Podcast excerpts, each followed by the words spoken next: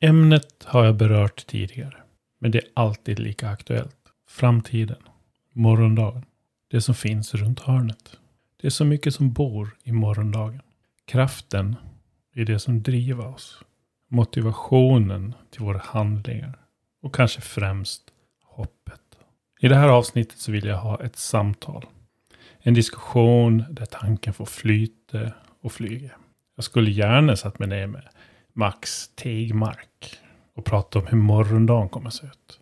Eller filosoferat kring teknikens påverkan på flocken, kanske med Alexander Bard. Eller varför inte om hur morgondagens teknik kommer påverka hur vi kommunicerar med varandra. Tillsammans med Elaine Eksvärd. Inget av det här är möjligt. Det här är en alldeles för liten podd. Och med en alldeles för liten skara lyssnare. Jag får nöja mig med en pratstund med min granne. Tro nu inte att det på något sätt är mindre intressant. För det bevisar att vi människor är så unika. I nästa port bor kanske den människan som du skulle kunna ha de bästa samtalen med. De mest givande tankarna och möjlighet till riktig utveckling. Det är kanske någon som du dagligen hälsar på.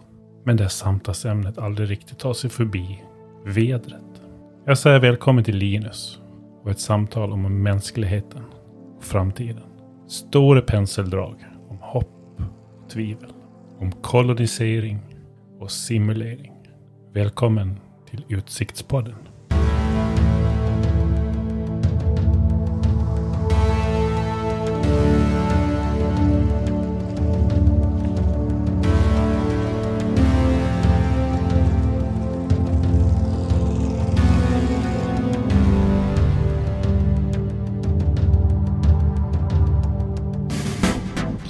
När vi pratar framtid då, så um, det finns ju två läger tror jag.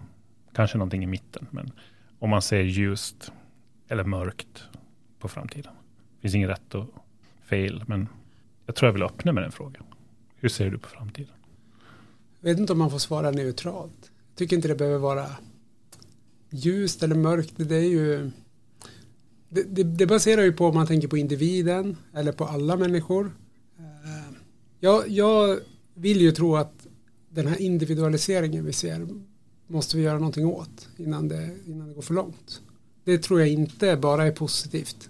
Om man, eh, om man jämför med hur vi har hamnat där vi har hamnat idag så är det för att vi har jobbat med flocken. Men i och med internet, om vi ska prata framtid och simulering, vi, vi kanske kommer in på det också, att alla är sin egen liksom, agent i en simulering. Jag vet inte om det är rätt sätt att se på det eller om vi alla ska tänka oss att vi är en gemensam simulering. Och då, då är inte jag helt hundra på att, att alla ska gå sin egen väg och vara helt unika snöflingor. Det kanske inte jag ser jätte, jätteljust på. Jag tror det finns en risk med. Mm. Mm. Om vi tar bara det kortare perspektivet. Det som är, det som är mycket på tapeten nu är ju kolonisering av det, ja, det egna solsystemet. Om vi börjar där.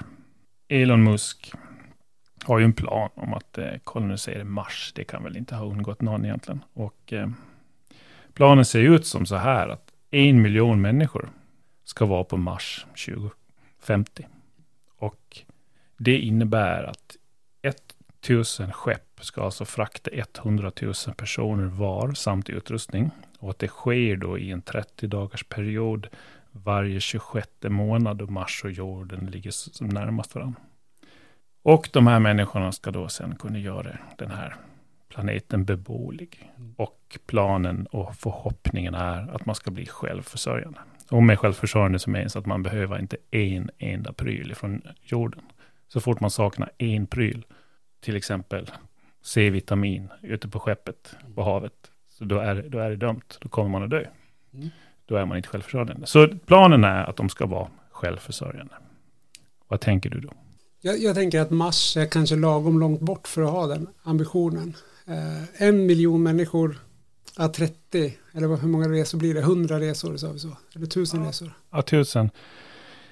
100 000 personer ska tas av tusen skepp, så det blir ju tio resor.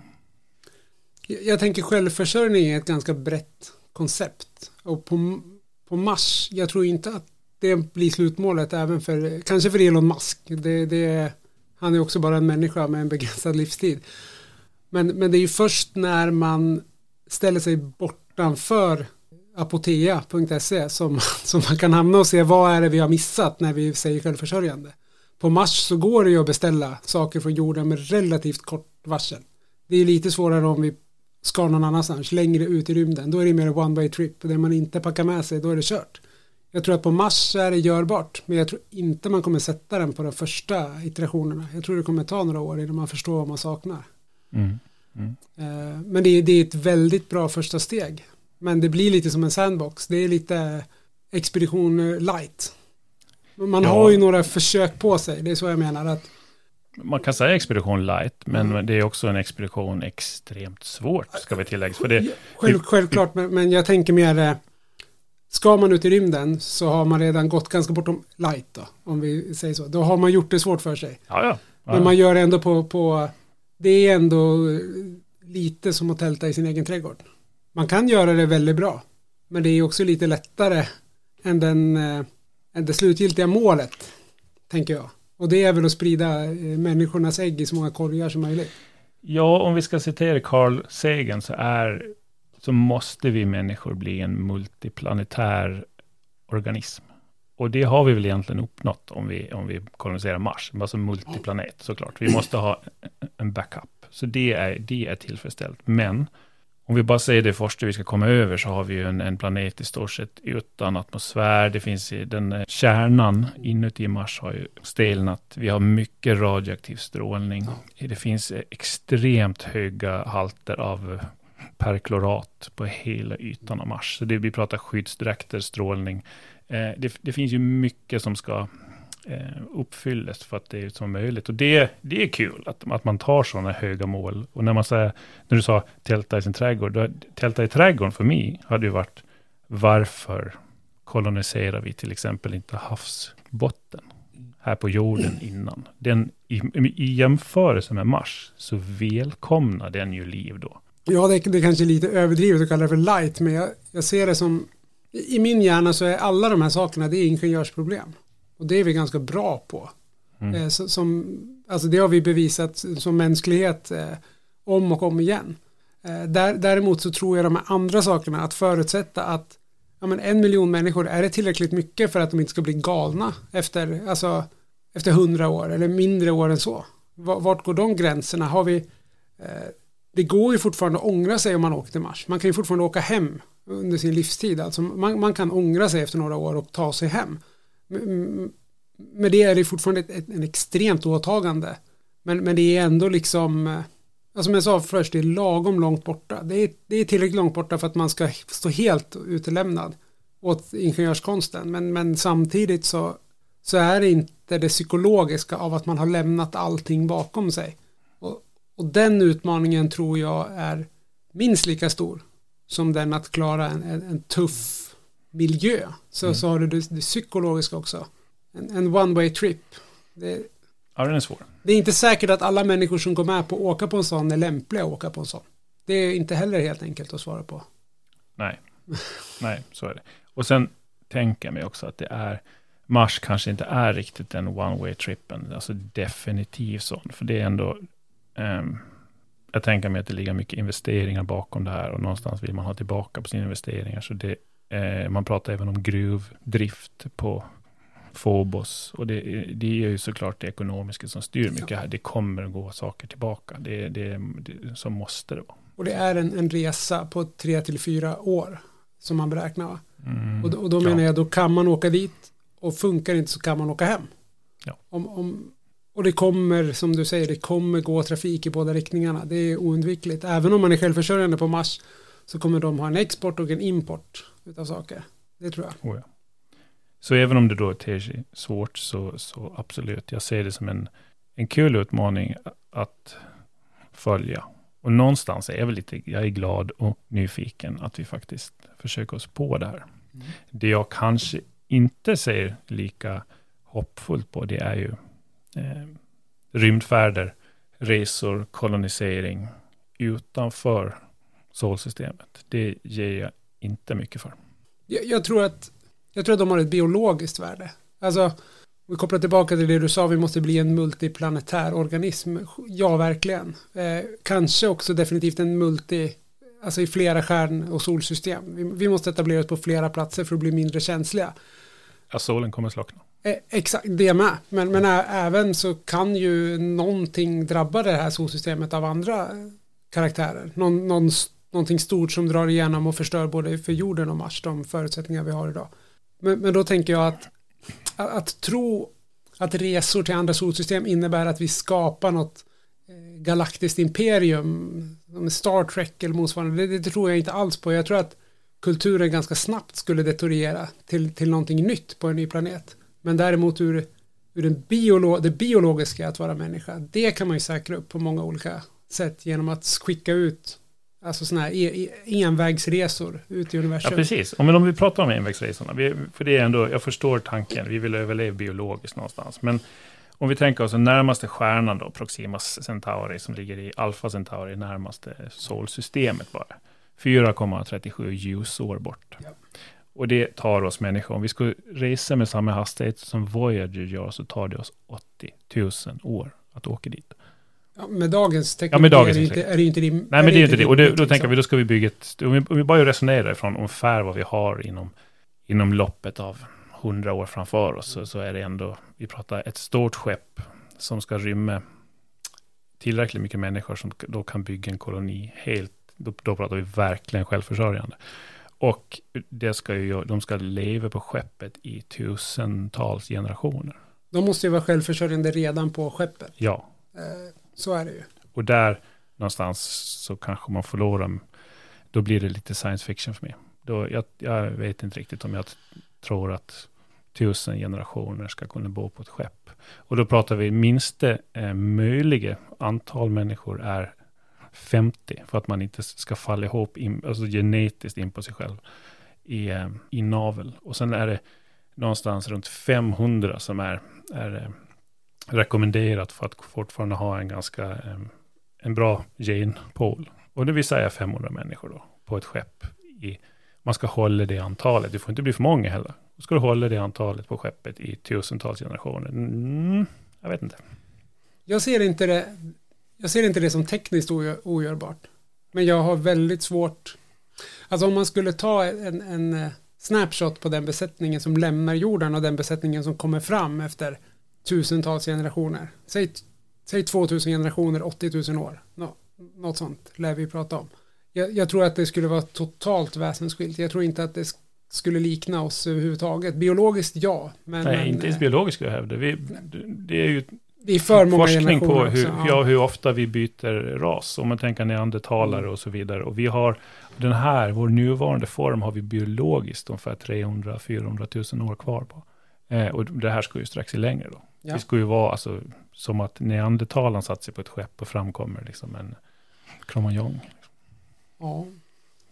Jag, jag, tror att man skulle kunna få fram en, en ras som skulle kunna kliva ut någonstans. Det, så, så tror jag. Sen, du är verkligen positiv. Kanske jag är positiv, men, men ja. jag tror inte det räcker med att skicka ett skepp. Nej, du eh, måste skicka, du måste skicka många. många skepp. Och du kommer ju inte kunna få någon återkoppling, ett, ett vykort från Nej, och, och här, kom, här kommer det värsta. Och här kommer liksom kicken som, som sätter spiken i kistan för mig. Det är att någon ska betala för det här. Mm. Vi människor gör i stort sett, om vi tänker det övergripande, gör vi allt vi någonsin gör i hela vårt liv går att koppla till någon form av egoistiska orsaker. Alltså ner på gennivå nästan. Men om vi, om vi går ett steg till, då, vad, vad är de här egoistiska orsakerna? Jo, det, man kan göra saker av kärlek, man kan göra saker av pengar, slash makt. Man kan göra saker av religiösa orsaker. Och man kan göra saker av ren överlevnad. När vi handlar om att bygga sådana här skepp som ska ge sig ut. Eh, vi säger att ett skepp om året med 500 pers ska lämna jorden i olika riktningar och hoppas att de hittar ett bra såsystem. Vem, vem vill betala för det här? Eh, av kärlek? Noll. Vem vill betala för det här av pengar, alltså som en investering? Noll. Kvar har vi då religionsorsaker eller överlevnadsorsaker. Och det, ja men absolut, både de skulle kunna, kunna tänka mig. Vi börjar med överlevnad. Där tror jag att vi kommer på det för sent. Då är det en meteoriten på väg mot jorden. Vi måste göra det för ren överlevnad. Eller så har vi den här smittan som vi inte kan ta hand om. Eller ja, naturkatastrofer som blir för stort. Att börja bygga ett sånt här skepp och hitta ett solsystem och planera, det är redan för sent. Då. Vad är kvar då? då är religionen kvar. Och absolut, det går säkert att hitta motivation att nu ska vi bygga en ny ark och så vidare. Men det är svagt alltså. Det, är så, ja, det finns ju en, en femte drivkraft som man inte får glömma tycker jag och det är ju prestige. Vem är först med att skicka ut människor i, i rymden med en tillräckligt hög beräknad chans för att säga att man etablerade den första kolonisationen på en annan stjärna. Det kommer man inte ha någon aning om. Man kommer inte ha någon aning, men man kan ju säga att man, alltså, man kommer fortfarande vara den som hade ambitionen först. Det, det är lite, det är alltid viktigt, vilka var först på månen? Okej, okay, det kunde man bevisa, men de bevisen kan man också strida om om man vill. Alltså, eh, jag, menar, jag menar, för en ryss är det ganska enkelt att säga att det där bara var trickfilmat allting. Då, då finns det inga bevis. Det, det, då måste du själv åka upp sen och titta och det är inte så jädra populärt att åka till månen efteråt. Men, men att skicka iväg den där som nation eller som, som religion eller som företag, där finns det ju någonting att vinna. Om inte annat bara ren PR.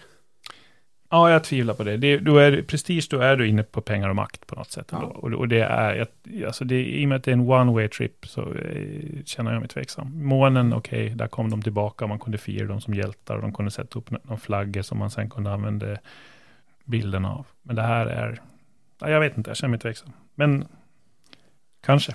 Kanske, ja. Det är också en teknisk fråga. Så länge det tar 80 000 år kanske inte ett dugg intressant. Men om det tar 2000 år om hundra år. Då kanske det är mer intressant. Det är inte heller eh, helt hugget i sten. Alltså med nuvarande teknologi är det inte intressant. Nej. Men det finns ju en, en gräns någonstans där priset är värt att betala. Mm. Ja. Och um, 2000 år, då har vi egentligen, då har vi lämnat det här, vår rubrik som egentligen var människan i det korta perspektivet. För vad, vad är vi om 2000 år? Jag menar, det är, vi behöver inte gå jättelångt förrän vi kan tänka att det finns, vi kanske byter ras. Vi hade gjort det biologiskt som vi pratade om innan, om vi bara låter tiden gå. Men jag tror vi kommer gå fortare än så. med hjälp av teknik. Jag tror, har du, har du läst någonting om, om eh, en författare som heter Yuval Noah Harari? Han har, han skriver Sapiens och eh, Homo Deus. Eh, han är israelisk författare. Ja, han, han har berättat mycket. Han skriver jättebra böcker. Han är lite svår att lyssna på, för han pratar lite annorlunda och bryter lite sådär. Men, men eh, han har skrivit jättebra böcker. Och, och eh, för att citera han lite så, så ger han människan, som, som den ras som vi ser ut idag, han ger oss hundra år till. Och sen har vi liksom mm. kanske bytt, bytt art. Och då pratar vi med teknik då. Han gör en ganska kul jämförelse. Han går tillbaka eh, några hundra år, när när land var makt. Förr i tiden, eh, medeltiden och så, då var land, ägde man land så var det makt. Och när för mycket land samlades på, på en plats, eller på, inte på en plats, men hos några få, så delade vi upp oss. Plötsligt fick vi aristokrater och så fick vi vanliga medborgare. Det var för att man började eget land. Liksom. Och aristokraterna hade mer land. Sen kom industrialismen då blev det ett maktskifte, då blev maskiner makt. Och när för mycket maskiner samlades på ett ställe eller hos några få, så delade vi människor upp oss i kapitalister och proletärer. Och nu är vi på väg in i det här tredje maktskiftet då, som handlar om data. När för mycket data, information samlas på ett ställe, så delas vi alltså inte upp i ras eller i klass. Ja, vi delas upp i ras och det inte i någon klass. Och då är, har vi pratat om en modifierad tekniskt utvecklad ras som är informationsöverlägsen på alla sätt. Mer kapabel till allt. Och så har vi en omodifierad version. Och där skillnaden mellan de här två versionerna av människor, där den ena är tekniskt, genetiskt förbättrad och den andra inte är det. Den är lika mycket som vi och neandertalare. Eller kanske mer. Eller kanske. Alltså, jag, jag tänker gradvis så är vi redan där. Om vi, om vi bortser från själva, alltså det, det, det är inte så att vi går runt och har ändrat våra hjärnor med, med, med tekniska prylar. Men vi har ju ändrat eh, i, med hjälp av tekniska saker som telefoner så har vi ändrat vårt sätt att hantera kunskap. Idag finns det inget värde i att vara bra på TP för all den typen av kunskap. Det kan man kolla upp. Om man, om man är en, en människa som är van med att ha sin telefon eller en annan smart device i närheten, då har man alltid den kunskapen nära till hands. Tittar vi, eh, du var inne på genetiskt, jag menar, det är en debatt som pågår redan nu i ett helt annat ljus. Det här med vad, vad händer när man tar eh, covid-vaccinet och de, det ändrar ens DNA. Men, men även om man bortser från DNA-förändringar så, så har vi ju de senaste hundra åren skapat en, en, en biologisk förändring i att vi vaccinerar oss unga så att vi klarar andra typer av sjukdomar inklusive influensa liknande sjukdomar och röda hund och alla de här skräckgrejerna som inte vi bryr oss om längre. Och fortsätter man den tanken framåt, jag menar, snart kanske det inte ens behövs några sprutor. Det, det kanske vi kan stoppa in i oss på annat sätt. Sådana experiment finns ju, det, det är inte populärt kanske i västvärlden eller överlag så moraliskt. Men det, det, pågår ju ganska mycket experiment på vad man kan få människor att födas med istället för att modifiera efterhand. Mm. Och, och tittar man tekniskt så i, idag är, är den, den tekniska modifieringen, den är handhållen om vi pratar om information. Men det är inget som säger, alltså snart sitter den i, i, ett, i ett par glasögon, då är den handsfree. Sen sitter den på en lins, då är den liksom eh, device free. Och sen vet det fasen var den tar vägen. Ja, den går längre och längre in. Alltså, den går närmare och närmare. Ja, allt är ju algoritmer. Alltså vi människor är algoritmer. Bananer är det. DNA, dina tankar, dina känslor, datorer, bilar. Allt består av algoritmer. Ja. Lite olika algoritmer. Men det här olikheten är vi på väg att börja överbrygga.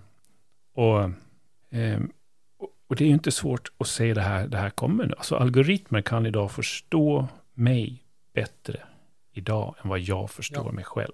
Jag har, jag, har ingen, jag har ingen chans att förstå mig själv i jämförelse med en algoritm. Jag kan inte uppfatta mina ögonrörelser, jag kan inte känna min puls, min andning, min hormonutsöndringar, nervimpulser och synapsen av vilka vägar de tar i min, i min hjärna medan algoritmen kan göra det. Och när, först när, när algoritmerna kan se det här och göra helheten, då kan de tolka mig och hjälpa mig och ta beslut, eller till och med ta besluten åt mig, mycket bättre än vad jag förstår. Och dessutom så, så är en stor del av den input som, som algoritmen vet om att du mottar, den vet inte du själv om att du mottar. Alltså vi, vi, det, det, är saker som sitter inkodat i det data du läser, hur det är formulerat, hur det är skrivet. Det kan vara bilder som man plockar med eller inte plockar med i en artikel. Eh, där, där det är gjort på ett sånt sätt så att du har ingen aning om att du utsätts för manipulerande information. Men algoritmen den vet mycket väl vilka typer av manipulerande information som ger vilken output hos dig. Mm. Så jag menar även om du, som du säger, de känner dig bättre än du känner dig själv. Men, men de kan också liksom det, det, den kontrollen, det är inte bara, det är lätt att tänka att algoritmerna idag, de analyserar ditt beteende. Alltså att det är, jag tror att många vill tänka att det är en passiv grej. Jag googlade idag på utomhuspool och så föreslog den ett lazy spa. Men, men det är lika mycket så här, du googlade häromdagen på ont i benen. Fem dagar senare googlar du på lazy spa. Varför gör du det? Det är inte för att du kom på en idé själv kanske, utan den har lett dig genom en process den här personen kommer vara mogen att köpa ett, ett hemmaspa för 55 000 om vi bara visar de här bilderna nu i sekvens. Där har du totalt noll chans. Mm. Och det är inte en passiv liksom analys av dig som konsument utan det är ett styrande beteende. Mm. Och jag tänker på någon, det finns någon gammal eh, dikt som går någonting så att you, you cannot steer into an abyss without the abyss steering into you. Det, du kan ju inte analysera någonting utan egentligen påverka någonting också. Det är lite Nej, det samma är tema. Samma liksom. tempo. Och det, jag tycker det, självklart finns ju saker att vara lite vaksam inför den här utvecklingen som jag ändå ser som ganska trolig. Om vi tänker oss att vi får, vi får hjälp och kanske blir ersatta när det handlar om beslutsfattning i en framtid. Där vi med hjälp av algoritmer då kan få beslut som baseras på eh, redovisade fakta istället för i dagsläget som vi människor tar beslut på intuition, magkänsla, någonting som man inte riktigt kan sätta fingret på. Och i början kan jag tänka mig att ja, men då byter vi ut en sak som kanske fotbollsdomare. Det, det är så svartvitt. Liksom. Det där var offside och det var inte det och så vidare. Jämfört med att ha någon som kanske missuppfattar situationen och så.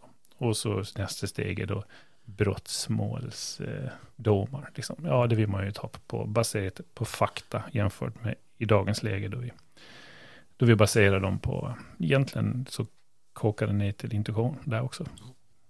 Och det är väl nice.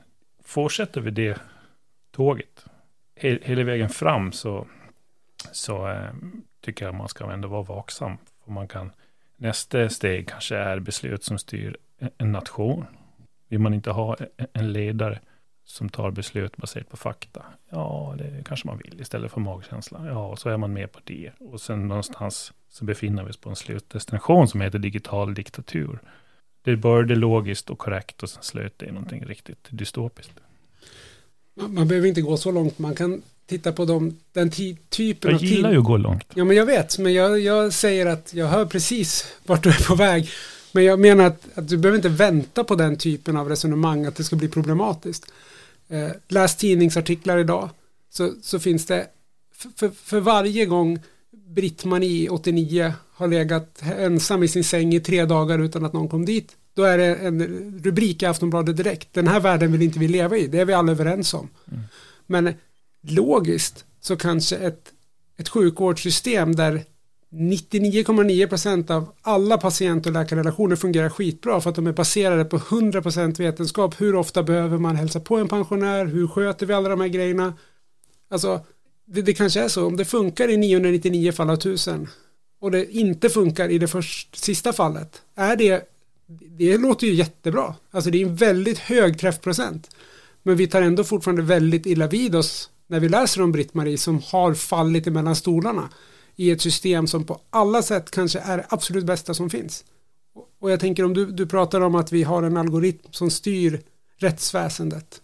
Ja, men hur hög träffprocent måste den ha? Och även om den har en träffprocent som är, ja, gör den ett fel per år så kanske det felet är för mycket. För många människor kommer det att vara det. Hur logiskt och vackert den är så kommer vi kunna fastna i ett läge där vi accepterar inte att vi baserar allting på en liksom 1 och 0 algoritm. Nej, det gör vi inte. Och det kan vi egentligen bara ta ett exempel med självkörande bilar. Fortfarande idag är, om jag pratar självkörande bilar med någon, är egentligen mm. den första frågan att, ja, men vad händer om den här bilen eh, kör på någon, eller om den ska väja mellan pensionär och lilla flickan. Och det finns mm. ju många scenarier. Man pratar bara, vad händer när bilen kör på någon? Mm. Och det man då kanske inte väger in i den bilden, det är hur många blir påkörda vid till exempel övergångsställen idag, varje dag. Hur många blir påkörda av rattonyktra människor? Alltså det, det går inte att, det går egentligen inte att jämföra de här värdena. Bilarna redan idag, de självkörande bilarna, är bättre än människor. Ja, mycket. Men, som du säger, vi är beredda att acceptera 100 människor som kör ihjäl någon per, per bil som mm. gör det själv. Ja. Och det är någonting i vi är tillbaka igen där att det handlar inte bara om, om tekniken, om, om statistiken, utan det är så mycket om, om, om det här liksom psykologiska. Vi, vi är inte beredda liksom att acceptera tekniken, men, men det är där vi måste hamna tror jag, på, eller måste, men det är också intressant som du säger, om hundra år, hur, hur är vi då som ras när vi är en, en, en ras som jobbar tillsammans med teknologi? Är det här en del av det vi måste ta oss igenom?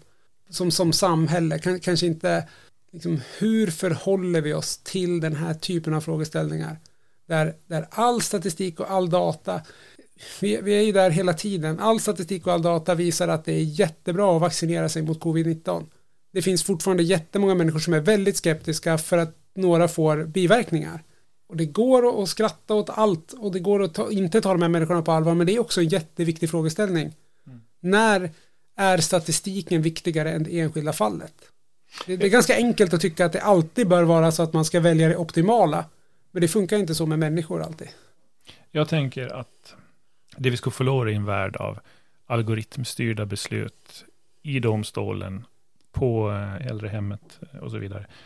Det vi inte får då är saker som, alltså mjuka värden som kärlek, omtanke, eh, någonstans det vi det som vi egentligen aldrig kan översätta till algoritmer. I, i, i alla fall vanligt. Om jag tar hand om dig idag, trots att det var eh, inte min, eh, min uppgift att göra det. Jag gick in till någon annan och kokte gröt för hon såg hungrig ut. Så gör jag det av kärlek.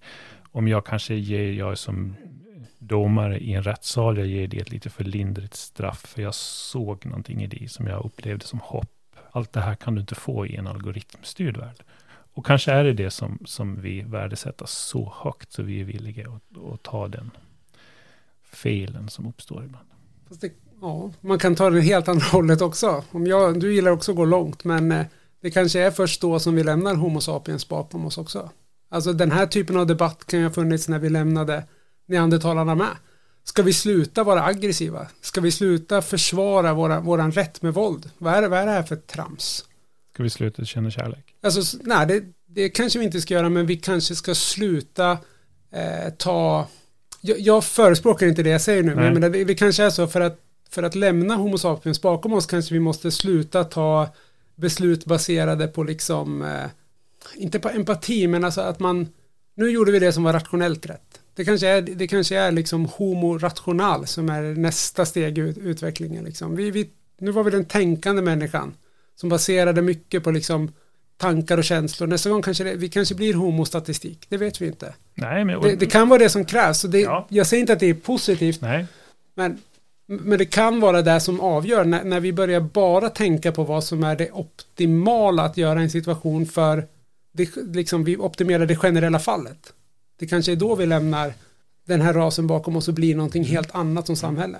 Folk... Det behöver inte vara positivt. Nej, men jag kan... Jag, jag måste säga att jag håller med dig någonstans ändå. Även om du tycker att det var extrem tanke, så någonstans där så är jag också i... När tycker jag att vi är värda att kolonisera någonting annat än jorden? Ja, när vi kan ta hand om saker, när vi inte resonerar i affekt. Det, du behöver bara slå på nyheterna idag och se vad som händer. I, Ukraina så är det inte mycket faktabaserat där. Det är mycket prestige, det är makt, det är, eh, i, ja, det är mycket annat. Som, och då känner jag, där är vi tillbaka på någon form av eh, barbarism. Ja, där har du ordet jag får efter innan. Så när vi, när vi lämnar, när vi lämnar liksom resonemang genom att resonera via affekt. Det, det kanske är då vi, vi går vidare när, när, när, vi lär, när vi lär oss, det låter som att det är något positivt, det behöver inte vara det, men, men alltså det kan ju vara det som är nästa steg liksom. Det, det är inte lätt tror jag för alla att acceptera det, för det är så lätt att skapa medkänsla kring de enskilda fallen. Men det, det är inte säkert att de är representativa, man, man pratar ofta om nu när, när, man har de här debatterna med, med olika eh, alltså alla dessa olika läger, det gäller både medicinskt, det gäller politiskt, man, man pratar ofta om eh, att jag har forskning och du har anekdoter. Och så länge anekdoterna biter så hårt på oss som de faktiskt gör så kanske vi är fortfarande de, den, den rasen som inte riktigt har tagit all den här tekniken till nytta. Mm. Eller till oss. Nytta, återigen, jag vill inte klä det här i för positiva ord som nytta och lära utan snarare ska vi löpa den här linan rak hela vägen ut och, och bli en tekniskt integrerad ny ras. Mm. Då kanske det är inte empatin, men affekten som vi måste göra oss av med. Mm, så är det. Och är, är det en ras som vi ska skicka till en, ett annat solsystem någon gång, så ska det ju helst vara en, ja, en ras då som kanske inte sen efter hundra år slår sig ner och, och krigar om vem som bor på vilken sida av en å. Nej. Så är det. Och där kommer lite tillbaka det jag sa innan också, tycker jag. att nu, nu det här med individualismen och, och liksom stammen. Det, det, finns ju en risk att, att stammar kan ju betyda det vi hade för, för tusen år sedan där det var krig mellan stammarna. Sen, sen blev vi mer enade, det har fortfarande varit krig, det kommer vi inte ifrån i mänskligheten, men, men nu börjar vi mer och mer, det, det är ju väldigt o, omodernt idag att vara så här överdrivet nationalistiskt, i alla fall i Sverige är det, det är ganska omodernt att liksom, eh, man pratar ofta om att i USA är alla väldigt liksom nationalistiska. Här är man mer individualister. Det, det, är jag och kanske inte jag som svensk utan det är jag som individ och person som är viktig. Och, och, och det kanske är jättenaturligt. Men, men ska vi åka till, ska vi skicka 500 människor i ett skepp och ha dem i 500 generationer då är det ganska viktigt att de inte sen börjar resonera kring vilka som kom dit ifrån Europa och vilka som kom ifrån USA och skapa två läger och sen landar och utplånar varandra. Då måste vi åka som en enad mänsklighet. Och där kanske inte det finns plats vare sig för, för stammar eller, eller individer utan där finns det plats för ett folk. Och då kanske affekten måste ryka för det. Empatin är jätteviktig. Men, men att hela tiden vara styrd utifrån eh, de, de, de här andra effekterna, att man liksom eh, man reagerar starkt på någonting och så blir man, alltså man styrs av sin amygdala i det fallet. Man, man får en stressrespons av allt ifrån att någon säger något man inte gillar till den här eh, återigen någon som har fallit mellan sjukvårdsstolarna. Så, så länge det skapar oro hos människor istället för att man kan dämpa sig, rationalisera det med algoritmer eller eh, information då kanske det är väldigt svårt att skicka iväg folk utan att det blir krig. Mm. Jag, jag, vill tro att vi kanske redan nu har det inom oss. Jag har väl eh, tänkt någon gång att en, ett sätt att få fred på jorden instant, det är om det skulle landa ett rymdskepp någonstans. Då är vi ju plötsligt en ras och då är ju, då är ju landsgränserna plötsligt borta. Och det är ju lika väl som det när det blir OS så pratar vi inte AIK-Björklöven längre. Så det, någonstans så har vi väl den men det, när vi inte har någon yttre fiende, det är precis som att vi måste ha en motståndare för att vi ska känna oss, vi ska känna drivkraften i oss. Och, och finns det ingen motståndare så skapar vi en motståndare. Jag, jag håller med dig, men jag, jag tycker att jag vill lite tro på det där. Men jag vet inte om jag gör det, för att vi har ju klimatkrisen idag.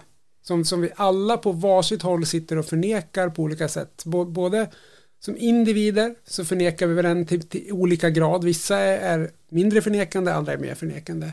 Som, men, ja, men där har vi motståndarna. Motståndarna finns i individen och inte i, krisen i sig själv. Ja, fast även alla, det, det är ju inte så att alla nationer har, har sammanslutit för att slåss mot det här yttre hotet direkt. Alltså, här har vi en, en tydligt, tydligt hot mot alla oss som vi bara kan, kan slåss om, vi alla går ihop och det är inte så att vi inte vet vad som behöver göras, vi vet precis vad som behöver göras, men det är fortfarande viktigare att Kina är Kina, och USA är USA och jag har mina pengar och du har dina pengar och trampa inte på min profit här. Och det, det är mycket viktigare att det går bra. Alltså, alltså nu säger vi så här, elpriserna i Sverige har skenat i december. Men istället för att uppmuntra till till bättre avtal, till att forska kring bättre el, så säger vi nej men det är valår nu så alla ska få ett elbidrag för att ni har gjort av med så mycket pengar i december. Det är inte, det är inte logik, det är inte att ena mot en gemensam fiende. Det finns en risk där att om, om det landar onda utomjordingar på jorden om två veckor så, så kommer det handla mycket mer om hur varje individuellt land skor sig på det här snarare än att ena sig. Jag önskar att jag inte tänkte så men jag, jag, jag tror inte riktigt att det där gäller utan jag tror inte det skulle skapa instant peace om, om det kom ut. Jag, jag tror att det skulle bara bli manipulation, manipulerande och sen skulle det falla på något sätt. Om de nu var ondsinta. Jag, jag tror inte det. Nej. Känner du att du vill revidera din, ditt uttalande om att du, du såg varken just eller mörkt på framtiden? Nej, det beror väl på om de landar eller inte. Jag kanske är lite semi-negativ, men... men eh, jag håller med dig. Jag tycker väl också att vi, just när det gäller klimatet så har vi, så um, tycker jag vi fortsätter misslyckas hittills. Um, men jag, någonstans hoppas man väl på, nej jag vet inte, bättre dagar, men, men um, bättre tankesätt kanske. Har du um, hört talas om någonting som kallas uh, simuleringsteorin? Ja. Uh, ja, en, för det är någonstans, om jag ska ta någon så här, den konstigaste teorin som jag kanske har hört, som jag ändå inte kan avskriva som eh, fantasier utan relevans. Alltså en, en teori som fortfarande ändå tillhör eh, riktig vetenskap. Så är det väl den. Och eh, den, den baserar sig alltså på att ja, det har ju funnits många som har haft den teorin eh, långt tillbaka inom historien. Och Matrix, filmen Matrix, om du kommer ihåg den, var ju, var ju den som kanske först började öppna upp människor. Var, var, ja. Finns det liksom en simulering här. Men sen finns det en svensk professor som heter Niklas Boström, kallas för Nick ja. Boström. Eh, bor i USA och jobbar där som professor. Han skrev 2003 en eh, vetenskaplig proposition som heter då Are you living in a computer simulation? Och den här propositionen, den, det var ju starten på många debatter och diskussioner genom åren. Och det är ganska tunga namn som Elon Musk, då, han är väl inte forskare på det sättet, men han är ändå ett ganska tungt namn, och eh, Neil deGrasse Tyson, som i allra högsta grad är tung inom, de har ju gett sitt eh, bifall till den här teorin. Och i, i korta drag så går den ut på att han gör tre stycken antaganden, varav ett antagande måste vara rätt. Och det första antagandet det är att i vårt universum, andelen civilisationer som uppnår en teknologisk nivå som krävs för att kunna driva det han kallar för ancestor simulations. Det är väldigt nära noll. Alltså antalet är väldigt nära noll. Mm. Ancestor simulation, det är när man börjar, vi kan, man kan börja från, man gör en simulering i ett datorprogram som börjar, den kan börja vid Big Bang, den kan börja med jordklotet. Man väljer själv vart man vill börja, men så vill man se hur, hur vi människor uppstår, hur djuren uppstår, hur, hur naturen uppstår. Man kan ändra på lite faktorer. Simuleringar är alltså, ja i stort sett det, det, det effektivaste, bästa sättet att lära sig saker om, om varför det ser ut som det gör just nu. Och även vad som händer i framtiden. Mm. Simulering är optimalt på alla sätt. Och det första är det. Andelen civilisationer som uppnår teknologisk nivå som krävs för att kunna driva Ancestor Simulation, det är nära noll. Accepterar man den, då är det slut där. Då, då, då, är, alltså, då, då är, bor vi inte i en simulering. Och det är, det är ju svårt att acceptera i och med att vi, vi själva antagligen inte är allt för långt borta rent datakraftmässigt. Nej, det är ju svårt. Eh, beroende på förstås vilka motivationer, men, men ur ett rent lärande syfte så, ja. så vill ju vi vi jobbar ju mot det här aktivt nu och så långt borta tror jag inte att vi är. Nej, men om tänker det med alla, eh, rymden är stor, universum ja. är stort och det finns många civilisationer och att, och att det ska vara, för det, det, det, som det handlar om väldigt nära noll, står det i propositionen, det, det räcker med att tio civilisationer ja. i hela universum gör det här och vad de här tio gör sedan miljoner simuleringar var, så är det mycket större chans att vi är en del av någons ja. Eh, simulering än att vi ska vara på en eh, planet och allting ska vara verkligt. Men hur som helst, det är det första propositionen. Ja. Nästa proposition är, eller nästa förslag, antaganden, är att andelen civilisationer som är intresserade av att köra Ancestor Simulation är väldigt nära noll. Så okej, okay, då har vi civilisationer som kommer upp, får teknologin, kan köra Ancestor Simulation. Mm. Men de är inte intresserade av det. Tror man på det då, då är det slut där. Då, är vi, då bor vi inte i en simulering. Jag är, tror ju att simuleringar är, har man processorkraften till det, energin som krävs, så tror jag att det är någonting som man verkligen vill. Alltså det, jag kan gå till min dotter som, som tycker Sims är det roligaste ja. som finns. Vi människor älskar simuleringar, men det är vi människor. Det kanske är att vi är de enda i hela universum som mm. tycker det är intressant. Men det är också, liksom, det är också 100% av de av de samhällen vi vet som har utökat, eh, som har teknologin för det, så vill alla det. Ja. Nu är det ett väldigt litet sample size. Mm. Men, men, men, det är, exakt, men det är verkligen inbyggt. Alltså vi älskar, eh, vi älskar tv-spel, vi älskar eh, det, det har vi gjort i, i tusentals år, skriva böcker om, om what if scenarios. Ja. Det, det, är liksom... Film är simulering. Alltså he, hela mänskligheten bygger ju på what if scenarios. Mm. Alltså det är det, det som, som definierar intelligens på något sätt. Ja. Det är antagande 1 och 2. 3, antagande nummer 3 är vi lever i en simulering. Mm. Om inte ettan stämmer, om inte tvåan stämmer, då lever, lever vi i en simulering. För det är, alltså, jag tror det var Elon Musk som slog sig med de här eh, numren, men det är väl för att göra det mer greppbart för människor. Det är att det är en chans på en miljard att vi inte befinner oss i en simulering. Just nu.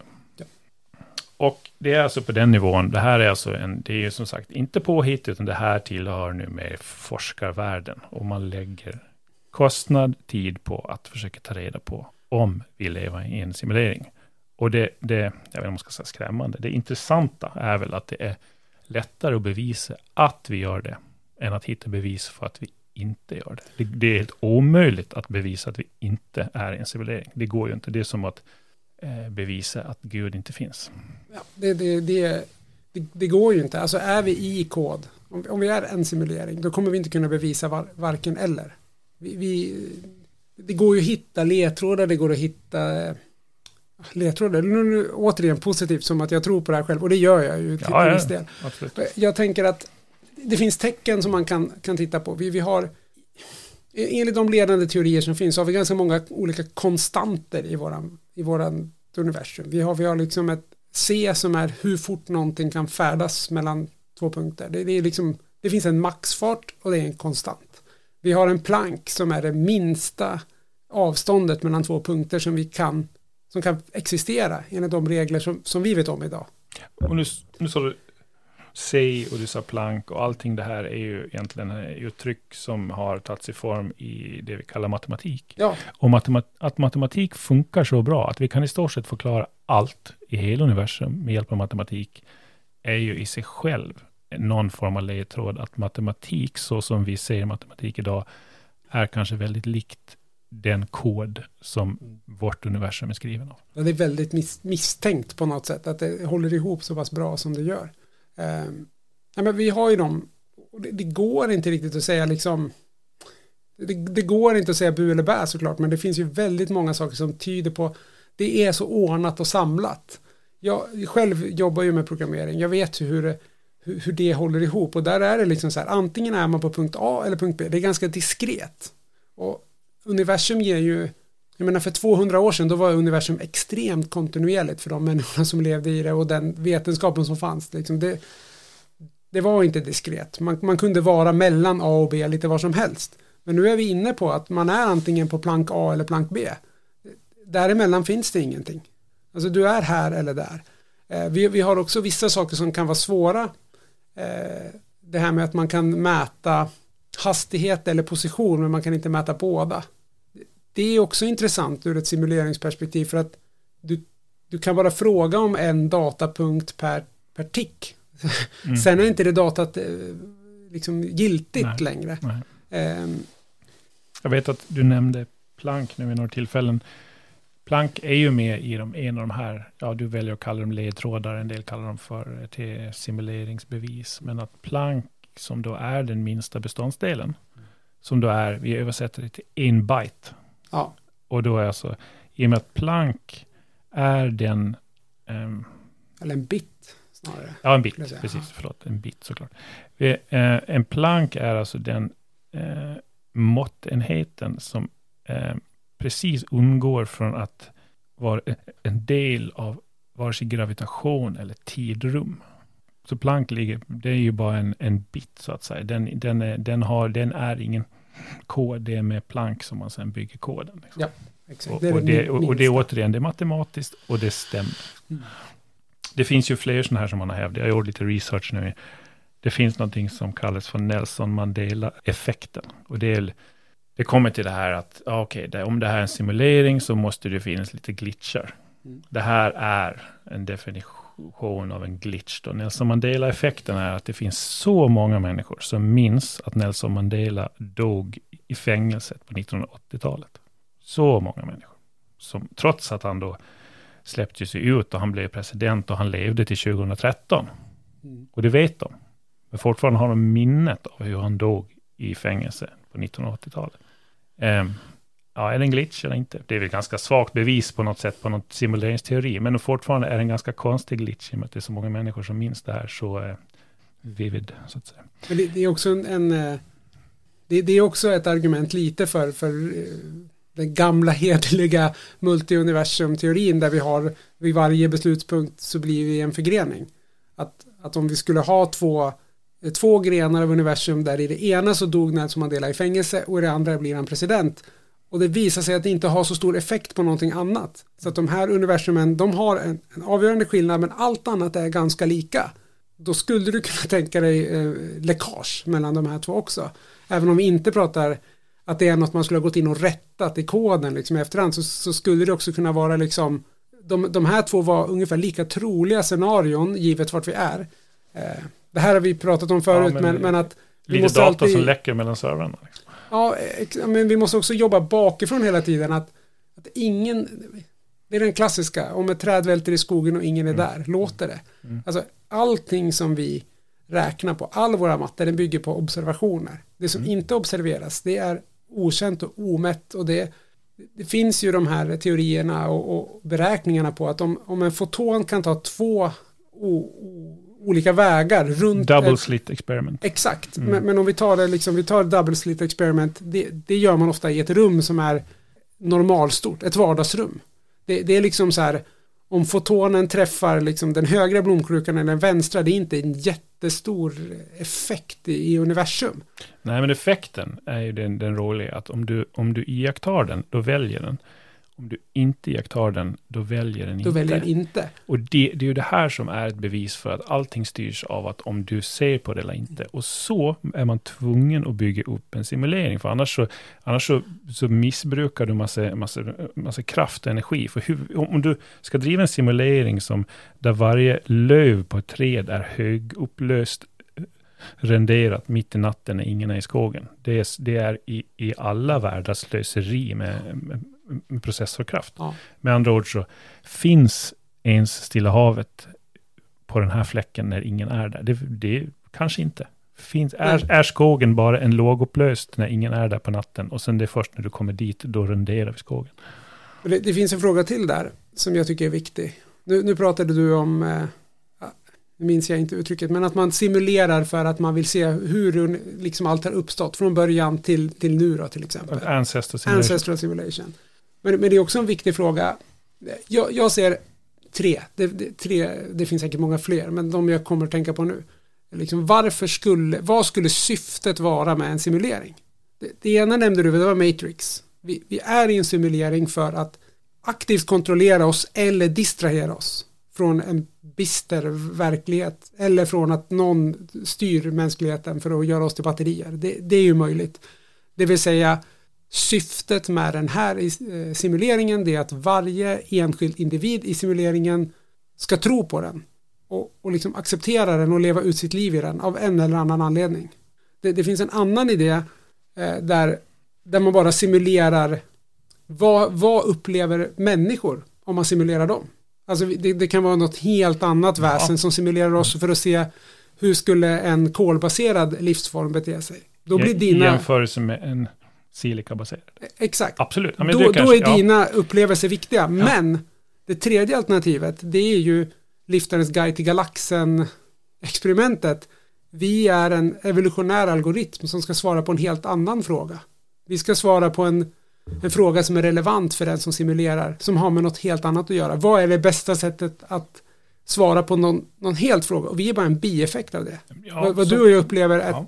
Totalt irrelevant så länge någon stjärna på andra sidan universum skriker 42 om två veckor. Mm. Och då rycker de pluggen. det är jättelätt att fastna i, i, i tanken att vi tänker alla civilisationer runt om i universum fram till nu, så tänker vi tidpunkten nu. Är det någon som har hunnit, alltså på Mm. 13,7 miljarder år, är det någon som har hinnit hit och så vidare.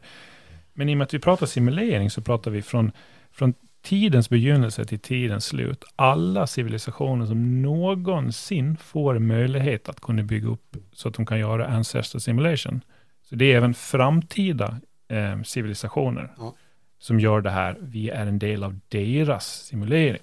Och vi tror att det är år 2022 nu, men det är liksom själva verket, är, alltså jordens tideräkning. Men vi pratar, vi pratar liksom från tidens början till tidens slut. Om någon generation, eller någon civilisation någonstans där på vägen börjar med simuleringar, så är det större chans att vi, eller risk beroende på hur man säger det, att vi bor i den simuleringen, än att vi faktiskt föddes på det här lilla jordklotet. Och, och du, nu förutsätter du också att den verkligheten utanför lådan är universumbaserad. Den kan ju vara vad som Nej, helst. kan vara vad som det, helst. Det, Men det, det jag ska det, säga... det är det som... Precis, men du sa vad ska vara orsaken till Ja, just nu skulle jag jättegärna vilja köra en simulering på jordklotet. Jag skulle vilja köra hundra olika simuleringar för att klara klimatkrisen som vi Mm. pratar om. Och då kör jag hundra simuleringar och jag har lite olika parametrar i alla sim- simuleringar. Jag har en parameter där faktiskt vi har en ledare för alla länder. Kommer de klara sig, ur- alltså total diktatur, är det liksom knepet för att klara sig undan en klimatkris? Eller så, har vi, så kör vi en som är eh, demokrati och, och, eh, och eh, en, någonting som heter EU här, som de bestämmer där. Och så har vi en, en morot till president. Och, och så, man- det finns alla de här parametrarna som vi kan dra på. Och sen finns det kanske en som klarar.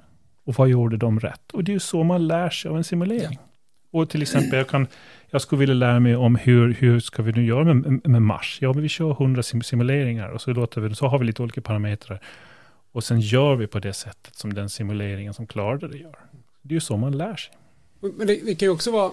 Jag, jag tänker lite på det just det här. Är min individuella upplevelse värd någonting för simuleringen? Jag tycker det är en ganska viktig fråga liksom. Simulerar vi ett, simulerar vi ett medvetande som utsätts? Är du en del av simuleringen som baseras kring vad jag upplever? Eller är vi två agenter i en simulering? Mm. Och, och då kan ju, det kan ju vara precis som du säger, hur tar vi oss igenom klimatkrisen? Men vi kanske har ett svar. Och nu kanske vi optimerar på, eh, vi ska göra det här med minsta möjliga påverkan på människorna som lever igenom det här beslutet. Alltså då, då kanske upplevelsen av hur stressad blev jag, hur, hur, hur tog jag igenom mig det här? Det kanske är minst lika viktigt som att Mm. vi hittar ett svar. Mm. Det är omöjligt att veta liksom, ja, de kanske har svaret redan och nu håller de på att optimerar. Mm. Eller så är vi bara någon av alla, alltså, Mm. det finns ju något inom, inom lärande system som heter evolutionära algoritmer.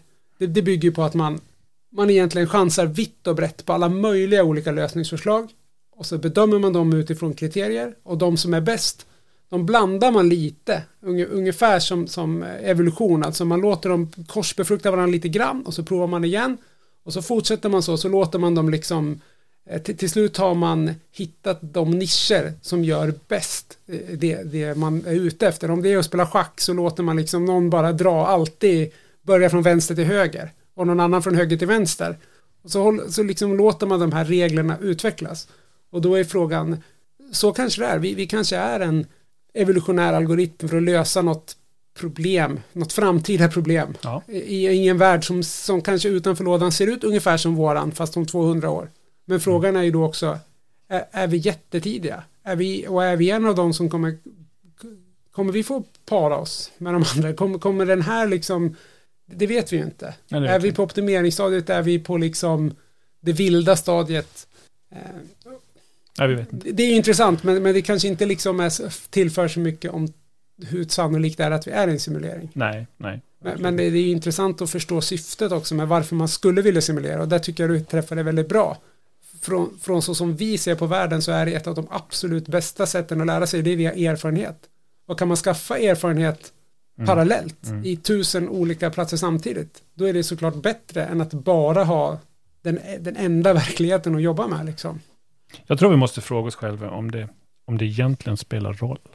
Har det en faktisk betydelse för, för dig, för mig, att vi är i en simulering? Okej, det, är- det är intressant tanke, och det kittlar lite, och plötsligt så måste man vara orolig så att ingen drar ur knappen eller gör någon fel patcha. Men, men egentligen spelar det roll. För det, vad, vad, är, vad är liv? Om det, om det är en sån här perfekt simulering som det egentligen är då, så att vi inte kan avgöra om det är på verklighet eller inte, spelar det då roll? För det här är ju, är ju mitt liv. Är, är, det inte, är inte livet själva resan, upplevelsen och interaktionerna man har med andra människor som egentligen gör, alltså anledningen till livet? Är det, spelar det roll att, att det, det finns någon sorts eh, materiell innehållsförteckning på, på partiklarna och jag måste veta om de innehåller kvarkar eller om det bara är matematisk kod.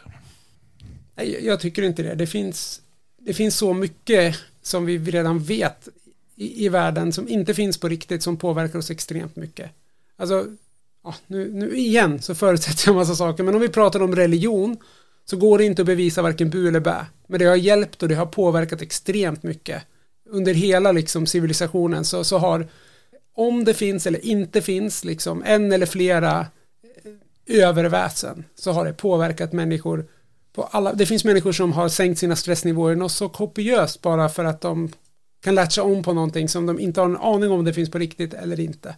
Eh, jag, jag skulle kunna tänka att någon som har en stängd kylskåp som de tror innehåller mat är lugnare än någon som inte har det. Alltså, det, det behöver inte finnas på riktigt. Och, och det är exakt samma sak här och jag menar om, om jorden tar slut för att det kraschar in en asteroid i den eller för att det blir liksom syntax error är det, det påverkar inte våran upplevelse överhuvudtaget. Nej, det gör inte. Är det en simulering däremot eh, och det blir ett stort kärnvapenkrig, Ja. då, eh, då kanske man startar om simuleringen med lite andra parametrar och sen efter ett tag så sitter du och jag här igen framför varsin mikrofon. ja, fast frågan är om vi sitter här igen. Alltså, Det beror på vilka, representationer. parametrar du drar i. Ja, exakt. Vi, vi kanske kan backa bara. Backa bak till någon backup. Då Nelson. Mandela dog. Ja, det kan vara restore. Det, det är ju... Sen, sen finns det ju också en, tre, en annan sak att ta i affekt då. Eller om det här är ett spel. Ja. Eh, där du spelar ett spel. Alltså när du, när du eh, loggar ut här, när det är över, så tar du av dig din VR-hjälm och så går du till jobbet i din, utanför lådan. Men, men du har subjektivt upplevt 80 år av liv. Då finns det ju liksom något att hämta hemifrån det. Men, men annars så finns det ju liksom, det, det påverkar inte. För mig så är det hund, det enda jag har som är min verklighetsuppfattning. Den är ju det som kan vara en simulering, kan inte vara en simulering. Men jag kan ta på det, känna på det, påverkas av det. Och slår jag i tån i ett simulerat stolsben så gör det ont. Det är allt jag vet. Jag, jag tycker inte det påverkar. Men då, oavsett om vi, om vi i det stora hela är i en simulering eller inte, så eh, finns det en annan spännande utvikning till det här. Om vi går tillbaka till det vi är på väg mot. Vi är på väg mot att sätta ihop teknik och hjärna, alltså brain net, ska vi kunna kalla det. Där vi, det är ganska lätt att se den komma. Ja. Och jag tror väldigt snart, i, ur en eh, evolutionistisk tidsaspekt så är det nästa andetag. Då är vi där. Då, har vi, då kan vi sätta ihop vår hjärna med, med teknik. Och då menar jag inte bara en, det är inte som någon wifi-router in i hjärnan, utan du kan börja påverka din eh, syn, hörsel, lukt, smak, känsel via kanske ett litet mikrochip. Och då är vi där. Och då, det här som vi nu kallar VR, som du nämnde, och så finns det AR, augmented reality. Nu sätter man på sig ett headset.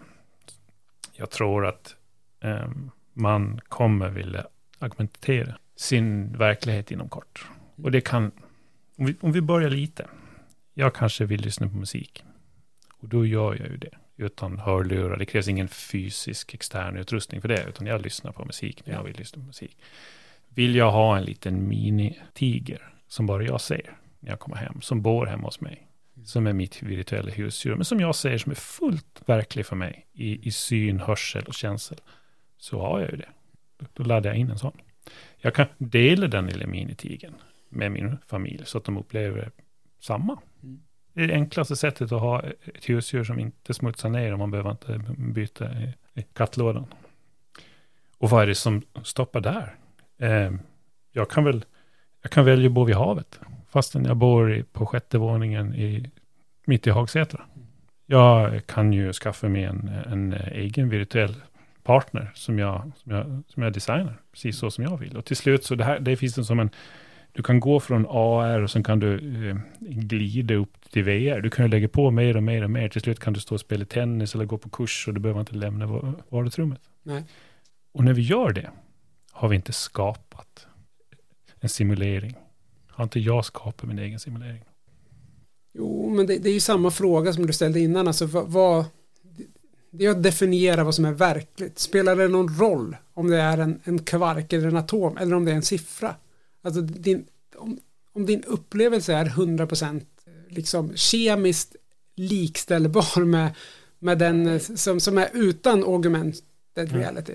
Jag menar, då, är, då har det ju varit verkligt för dig.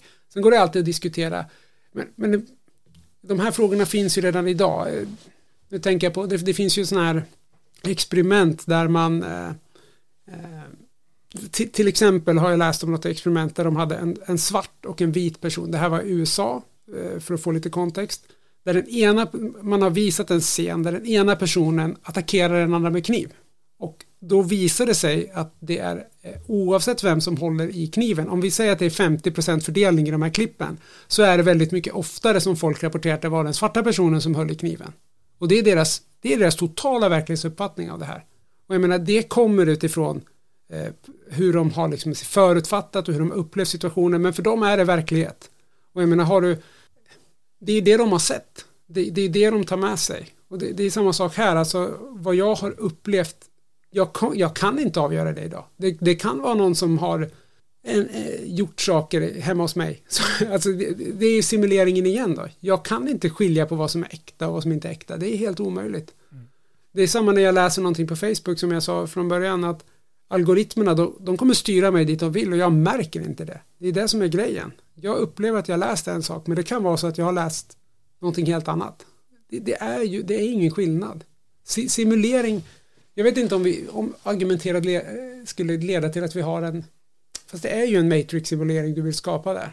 För, för från, från början så säger du du vill ha argumenterat, du vill lägga ett lager på verkligheten. En tiger eller en, en partner. Eller lyssna på musik. Eller lyssna på musik. Ja, men, och det, det här sker, inte tigern kanske, men lyssna på musik sker ju idag, det att vi kräver lite fysiska ja. tillbehör. Och det, och, och det är första steget. Jag vill kunna lyssna på musik eller någonting. Och jag vill kunna ringa någon utan att gå runt med en eh, mobiltelefon i handen och så vidare. Det, det är säkert där vi börjar. Där kommer vi säkert börja. Och det är ju väldigt eh, lågt ner, då är det någon form av AR-setting. Och sen ju mer du lägger på, desto mer bygger du in dig själv i din egen simulering när du börjar fippla med, med vad du ser och vad du hör. Ja, någonstans så säger du, jag vill kunna gå ut på min balkong i Sätra och titta ut över Medelhavet. Då är det fortfarande argumenterad verklighet. Men, Knappt. Ja, ja, då är det kanske virtuell verklighet. Men när du kan ligga kvar i sängen fysiskt och ändå uppleva att du går ner på din balkong och tittar ut över Medelhavet, då har du tagit steget längre. Är du, är du med på jag tänker att ja, jag så, så, länge jag fortfarande måste utföra saker, jag måste gå och leta efter den där tigen bakom soffan. Men, men till slut så kommer jag kunna ligga i en kuvös bara hela dagarna. Då, då är vi på Matrix-stadiet. Fast jag har individuellt valt ja, det. Ja, jag förstår. Mm. Mm. Uh, men men om, om vi, innan vi kommer dit, om vi bara pratar om att jag har små saker i min omvärld som jag upplever som annorlunda än du, för att jag har valt att ha det så. Mm. Med tekniska implantat, det vill säga jag kan mm. lyssna på musik och jag har en hund som inte du ser, ja. men som är fullt verklig för mig. Egentligen så är ju steget inte så stort då, för du, du hävdar ju nu med kniven att det är ju egentligen så vi funkar idag också. Ja. Jag ser saker som inte du ser, jag lägger märke till saker som inte du lägger märke ja. till. Och jag tolkar vissa situationer lite annorlunda. Så steget är ju inte jättelångt. Däremot när jag går ut på balkongen och jag är vid Medelhavet, då, då, då lämnar vi ju då, då vill jag någonstans hävda att jag lämnar det som man kanske kallar för verklighet. Och sen mm. så lämnar jag i alla fall den delade verkligheten vi har. Just nu sitter vi här i ett rum med varsin mikrofon och du håller väl med om det antar jag. Men då när jag väljer att gå ut och se på Medelhavet, då har jag, då har jag ju byggt in mig själv i en egen simulering. Ja. Sen säger jag inte att det är bra eller dåligt, jag bara, jag bara tror att det är dit vi är på väg. Ja, men jag tänker det ena är ju bara olika tolkningar av samma objektiva verklighet. I, I det andra fallet, så fort du lägger på, när du har ett par hörlurar på dig och lyssnar på musik som inte jag hör, då har du en annan objektiv verklighet. Då kan vi inte, ja vi kan ju det om, om jag har en psykisk sjukdom, då kan vi uppleva samma sak och tolka samma sak, men antagligen inte. Eh, och då är det ju skillnad. För jag, för jag menar, även idag så kan ju vi ha olika uppfattningar om en objektiv, om det nu finns någonting som är objektivt, det kan man också diskutera, men, men liksom eh, när vi skaffar oss olika inputs, då har vi gått över en gräns. När du och jag kan vara på samma plats men se, inte bara uppleva olika saker, men faktiskt se olika saker. Du och jag står bredvid varandra på balkongen och tar ett glas vin och du tittar ut över Medelhavet för det var du sugen på. Men jag står och tittar ut över Nordpolen för det var jag sugen på. Då kan vi inte ens ha en konversation om, om det vi ser som är gemensamt. Det är också intressant. Ha, vad, har vi, vad har vi hamnat då? Verkligen. Mm. Är det en simulering då? Eller har vi gjort något annat? Mm. Tack för samtalet. Ja, tack detsamma. Eh, jag tycker vi gör om det här någon gång. Ja, det gör jag gärna med. Det var kul. tack och hej.